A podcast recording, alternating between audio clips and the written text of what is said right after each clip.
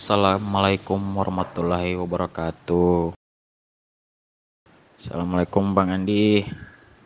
Perkenalkan nama saya Farid. Saya berasal dari Gorontalo. Eh, Gini Bang, saya mau bertanya. Semalam saya ditelepon kakak saya.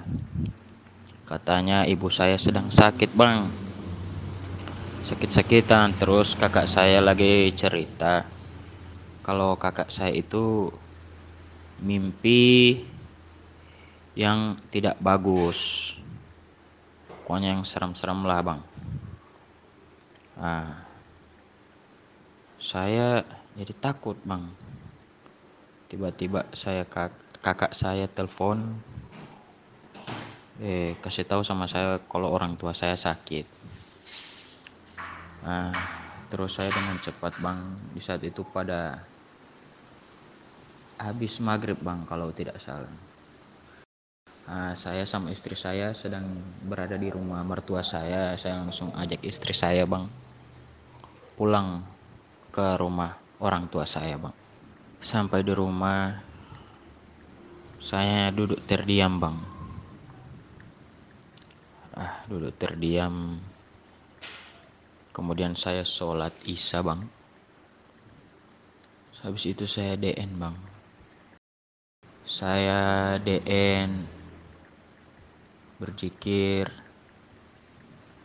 saya ingin bertemu dengan Allah memohon petunjuk dengan apa yang terjadi dalam keluarga saya bang. Kakak saya bilang dia ke pasar rezekinya sudah berapa sudah seminggu gak dapat dapat uang kata. Tubuh saya gemetar bang kemudian saya DN bang. Saya DN DN DN dengan niat ingin bertemu dengan Allah memohon ampun. Mohon diberikan petunjuk atas apa masalah yang terjadi dengan keluarga saya bang. Ah di dalam DN nya saya ini bang.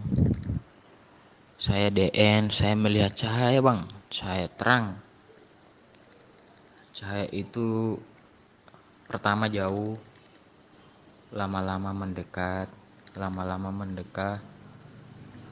Saya tetap jikir bang, tapi dalam hati saya itu karena saya pernah dengar kata abang kalau namanya cahaya itu belum Allah. Saya juga berpikir begitu bang. Ini cahaya belum Allah, tapi semakin mendekat bang, semakin mendekat. Ah tiba-tiba kayak masuk ke kepala saya begitu bang. Kayak ada ya kayak mau dibilang kayak kesetrum saya bang. Pas itu saya itu cahaya mendekat bang. Saya udah takut bang. Saya kem kembali memfokuskan lagi bang. Tetap saya DN bang. Saya jikir lagi bang. Dalam hati saya itu cahaya tadi bang. Sejatinya itu bukan Allah saya tetap dengan niat memohon petunjuk lagi bang. Nah, terus bang? Sudah habis DN sudah saya hentikan DN saya bang. Duduk lagi dengan keluarga saya bang. Tiba-tiba muncul dari hati saya bang. Eh ada suara coba panggil kakakmu panggil kakakmu suruh ambil air, air wudhu eh tapi gimana ya bang susah juga jelaskan. Kayak seperti ada suara dalam hati gitu bang. Ya, saya bilang ke kakak saya coba ambil air wudhu duduk di situ. Duduk di depan saya. Saya panggil ibu saya yang sedang sakit bang. Tiba-tiba saya bang langsung mengucapkan Semoga Allah akan memberikan petunjuk atas apa yang dialami keluarga saya, Bang. Terus saya meminta, ini Bang, kalau memang ini karena di daerah saya, Bang, kepercayaan mereka, Bang, kalau ada yang sakit-sakit atau ada yang gangguan, udah ada lagi yang tidak beres lagi dalam keluarga, Bang. Kalau kepercayaan di daerah saya, Bang, itu kalau dikatakan itu di dalam rumah itu itu jin-jin dalam rumahnya itu sudah marah bang. Gitu bang. Ah. Untuk membuktikan itu bang ya itu tergerak lagi hati saya bang. Kakak saya saya panggil. Ah tiba-tiba ah dengan niat itu bang saya berniat insya Allah Allah akan memanggil mereka itu bang ya tiba-tiba dengan gerakan dengan sendirinya bang. Ya tangan saya seperti kayak orang yang punya kekuatan gitulah bang.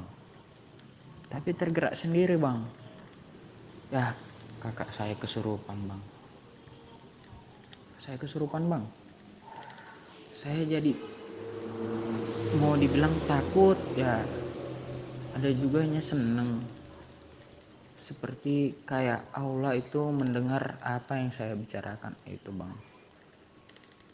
Saya jadi takut bang. Nah, tiba-tiba kakak saya kesurupan jinnya masuk setannya masuk. Ya saya ajak bicara bang. Kenapa? Eh orang tua saya dibuat-buat sakit. Tapi yang saya tahu yang saya tahu bang sesungguhnya orang tua saya sakit itu mungkin karena sudah takdir. Cuman karena kepercayaan dengan orang tua saya di daerah saya begitu bang. Ya saya juga mau gimana bang? Saya cuman ikut-ikut.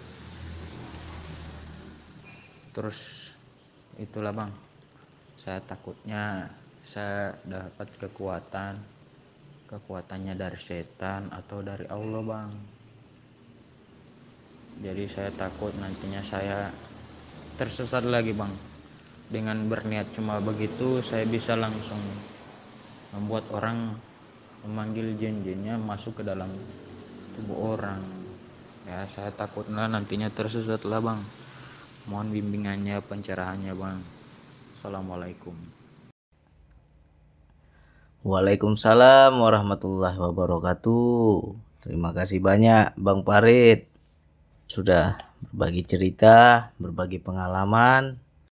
Bagus nih ya kan?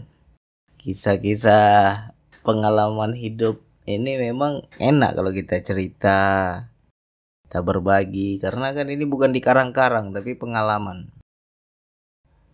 Memang ketika kita setelah mengamalkan zikir nafas itu ada dua. Ada dua perubahan yang sangat drastis.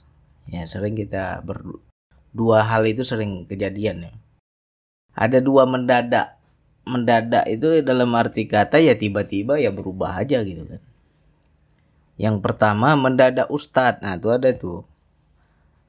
Awalnya nggak seneng agama nggak seneng siar nggak seneng ceramah. Tapi begitu mengamalkan zikir nafas wah bahasanya udah keluar dari lisannya itu ya ceramah. Sedikit-sedikit ngomongnya Allah ya kan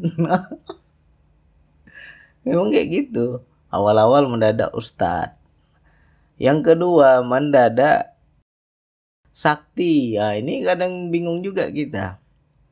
Banyak kejadian-kejadian dalam hidup yang kalau kita bilang apakah aku ini punya karoma, apakah aku punya kehebatan, apakah aku punya suatu kelebihan, kok banyak di dalam hidup itu terjadi hal-hal yang di luar logika kita. Nah, di situ kita merasa menjadi mendadak sakti. Nah, ini awal-awal pengamal zikir nafas itu dua hal itu akan didapat.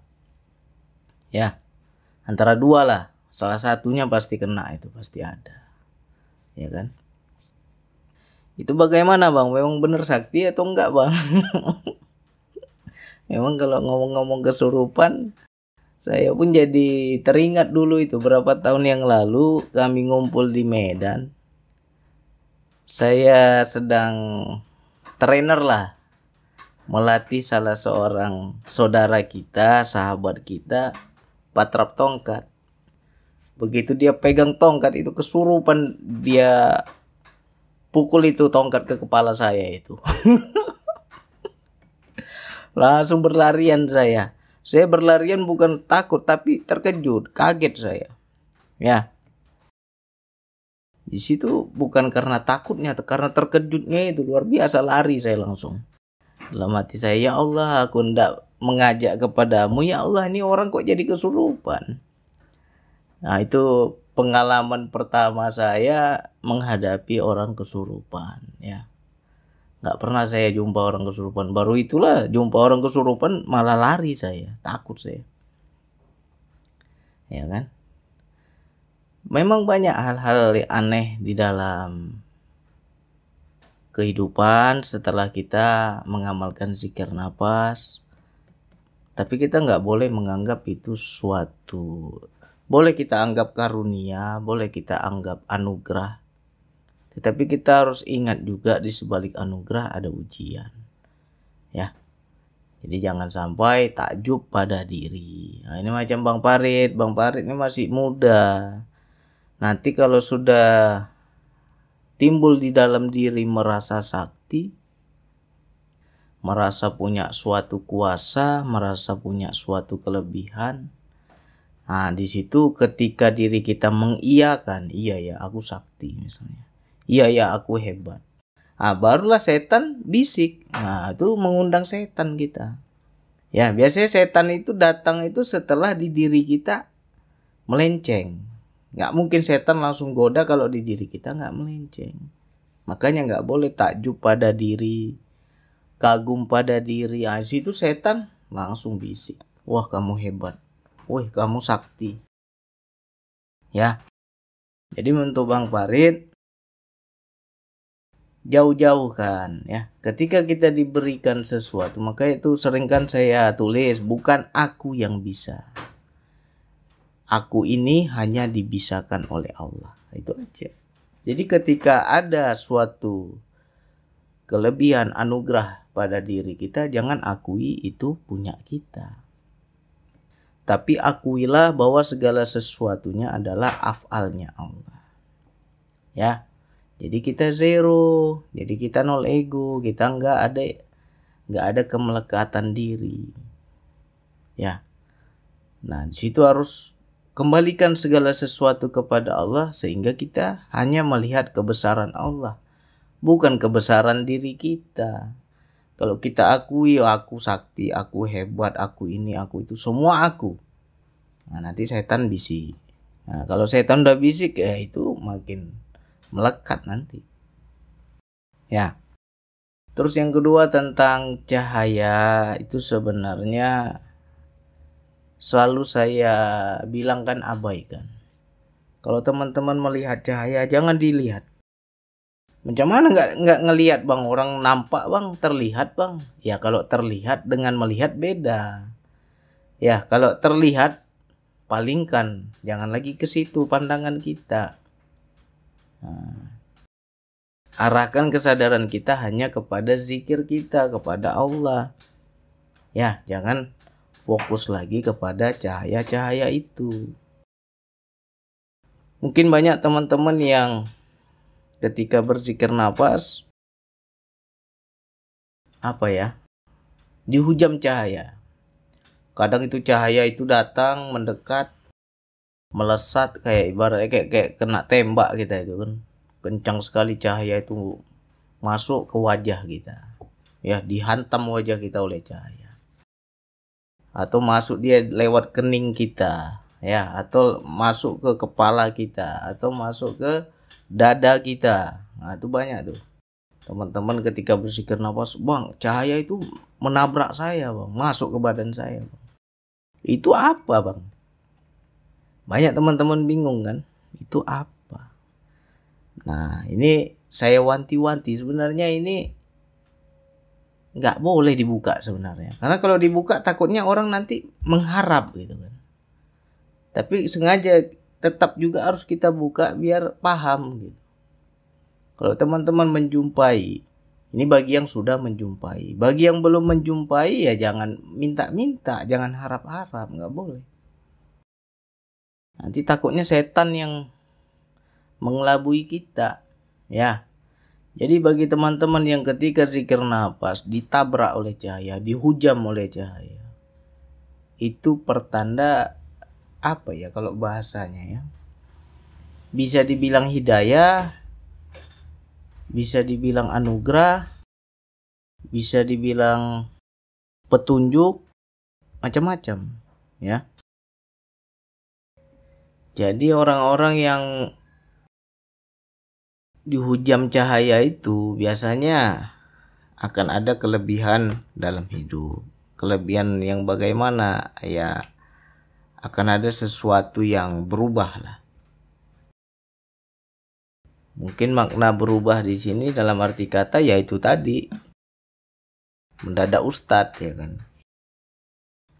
Awalnya ngomongnya kasar nanti berubah jadi lembut ya. Awalnya kita pemarah jadi penyabar. Nah, itu ada perubahan-perubahan dalam diri. Yang dahulunya kita itu bangsa nggak sabaran. Nah sekarang pembawaannya slow. Nah, biasanya begitu. Atau ada juga mendapatkan suatu pemahaman-pemahaman yang baru. Gimana ya bisa dikatakan laduni bisa juga. Ilmu dari sisi Allah. Yang awalnya nggak tahu jadi dikasih tahu oleh Allah. Ya biasanya itu orang-orang yang dapat cahaya seperti itu. Jadi udah kena pancaran nur Allah. Ya. Nah, awalnya nggak tahu jadi tahu. Awalnya nggak peka jadi peka. Awalnya kita kesadarannya kurang. Nah, ini kesadarannya lebih aktif, lebih peka pada sekitar. Ya kan? Banyak kelebihan-kelebihan. Makanya bisa dikata ya kalau saya bilang ya kecerdasan spiritual. Ya. Nah, itu tapi nggak bisa kita patokin, nggak bisa kita patokin bahwa ketika kalau saya dapat cahaya itu dihujam atau ditabrak oleh cahaya itu saya akan jadi hebat, jadi pinter, jadi begini begitu. Itu nggak patokan. Tetapi kebanyakan ya. Kebanyakan begitu. Awalnya nggak bisa nulis jadi bisa nulis ya. Nggak senang nulis jadi senang nulis. Nah itu berarti Allah memberikan petunjuk. Ya kan? Cuma kita nggak bisa tafsir petunjuknya apa ini. Ya, ya beda-beda lah. Setiap orang beda-beda. Jadi jangan kita merasa takut, jangan kita merasa itu sesuatu yang buruk. Prasangka baik saja. Kalau teman-teman lagi zikir nafas, ada bang cahaya dari jauh bang. Awalnya seperti bola bang, kecil. Tapi lama-lama makin besar, makin besar, makin dekat, terbang dia ke arah saya dia hantam saya.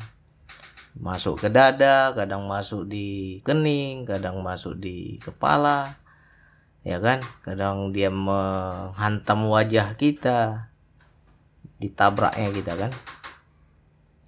Nah itu juga teman-teman nggak boleh takut nggak boleh kita prasangka buruk ya.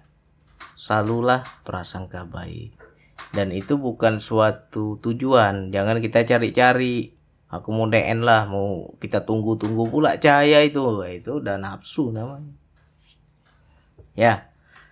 Jadi bagi saudaraku sahabatku siapa pun yang mengamalkan zikir nafas memang banyak keanehan-keanehan dalam hidup. Pokoknya diingat-ingat aja pesan saya bukan aku yang bisa, tetapi aku ini dibisakan oleh Allah. Sehingga ketika kita mendapatkan suatu kebisaan, mendapatkan suatu kuasa yang luar biasa, jangan kita akui diri kita. Ya. Karena kalau kita sudah akui di situ setan bisik, wah kamu hebat, wah kamu sakti, wah kamu begini kamu begitu. Akhirnya kita takjub pada diri. Nah, itu itu kalau udah takjub ya jadi berhala diri bahaya itu ya. Apalagi untuk saudaraku apalagi untuk adik-adikku yang masih muda yang masih labil ya. Pokoknya diingat-ingat aja tuh Makanya kalau saya kasih kopi pahit, saya sering giling, jangan marah, jangan sakit hati. Itu sejatinya biar teman-teman tuh nggak besar kepala. Ya, sengaja lagi naik sedikit kita banting lagi naik sedikit banting lagi biar nggak besar kepala.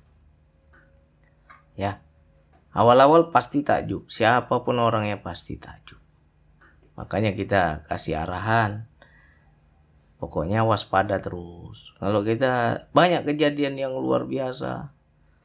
Ya banyak lah. Apalagi bang saya baru ngamalkan DN seminggu bang. Tetangga saya ada kesurupan bang. Baru saya marahin aja bang udah pergi setannya. Belum saya pegang orangnya. Orang yang kesurupan belum saya sentuh. Baru saya marah-marahin aja udah pergi setannya. Kan takjub diri kita kan. Wih hebat kali aku sakti kali aku. Nah itu dibisikin setan kita nanti ya. Dulu belum mengamalkan DN nggak pernah kita ketemu yang begitu. Begitu mengamalkan DN ketemu pula yang kayak gitu. Itu godaan ujian itu. Jadi jangan sampai kita terlalu kagum senang ya. Senang itu beda loh. Senang sama syukur tuh beda ya kalau orang bersyukur itu dia senangnya karena Allah, tapi kalau orang senang aja bang itu karena bangga pada dirinya. Ya. Jadi kita kalau bisa ya ketika mendapatkan sesuatu yang luar biasa syukur, jangan senang. Nah, syukur kita itu bahagia karena Allah, bukan karena diri kita. Ya. Jadi untuk Bang apa tadi? Bang Parit hati-hati ya. Diputar-putar ulang lagi nih audio saya channel saya banyak itu tentang ego tentang zero tentang keakuan diri tentang kemelekatan diri ya. Jangan sampai itu kita akui punya kita nggak boleh. Memang mengamalkan zikir nafas ini banyak kejadian yang luar biasa. Banyak kejadian yang di luar logika banyak kejadian yang nggak masuk akal ya. Nggak masuk akal lah. Nah tapi di situ kita sebenarnya Allah sedang menunjukkan kuasanya sedang menunjukkan keakbarannya. Seharusnya kita pandang Allah jangan pandang diri. Banyak orang mandang diri. Ketika Allah kasihkan sedikit kelebihan nah yang dia pandang dirinya. Itu nggak boleh ya. Jadi jangan sampai nanti kita tertipu. Nah, awal-awal tuh banyak tuh kejadian luar biasa, kejadian yang luar logika. Di situ kita merasa aku bisa, aku hebat, aku sakti, ya kan? Besok-besok hilang saktinya. ya kan? Hari ini sakti, besoknya hilang saktinya. Ya Allah, kemarin kok bisa ya Allah, hari ini kok nggak bisa. Nah, di situ jangan kecewa, jangan sedih nggak boleh. Itu tandanya Allah sedang menghancurkan ego kita. Bukan kau yang hebat bukan kau yang bisa. Jangan kau akui itu kata Allah. Ya makanya dibuat nggak bisa. Ya jadi jangan kaget ya. Hari ini bisa lah sakti kita. Besok belum tentu. Jadi segala sesuatu lihat Allah saja. Pandang Allah saja Orang belajar ma'rifat itu bukan belajar bisa, bukan belajar pintar, tapi justru semakin ma'rifat semakin bodoh. Kenapa bang semakin ma'rifat semakin bodoh? Ya dia mengakui dirinya memang gak bisa apa-apa. Ya, yang pintar, yang hebat, yang berkuasa ya Allah. Makanya dia menganggap dirinya gak bisa. Yang dia akui Allah. Makanya dia jadi merasa bodoh. Ya, diulang-ulang lagi nih. Mudah-mudahan bagi pemula zikir nafas yang lagi ya kalau dibilang lagi dapat dua tadi tuh mendadak ustadz mendadak sakti nah, jangan kita kagum berlebihan ya. Biasa-biasa aja lah. Apa pun yang terjadi pada diri kita pandang Allahnya. Oh ini Allah kok bukan aku. Jangan akui ya hanya itu yang bisa saya sampaikan. Wassalamualaikum warahmatullahi wabarakatuh.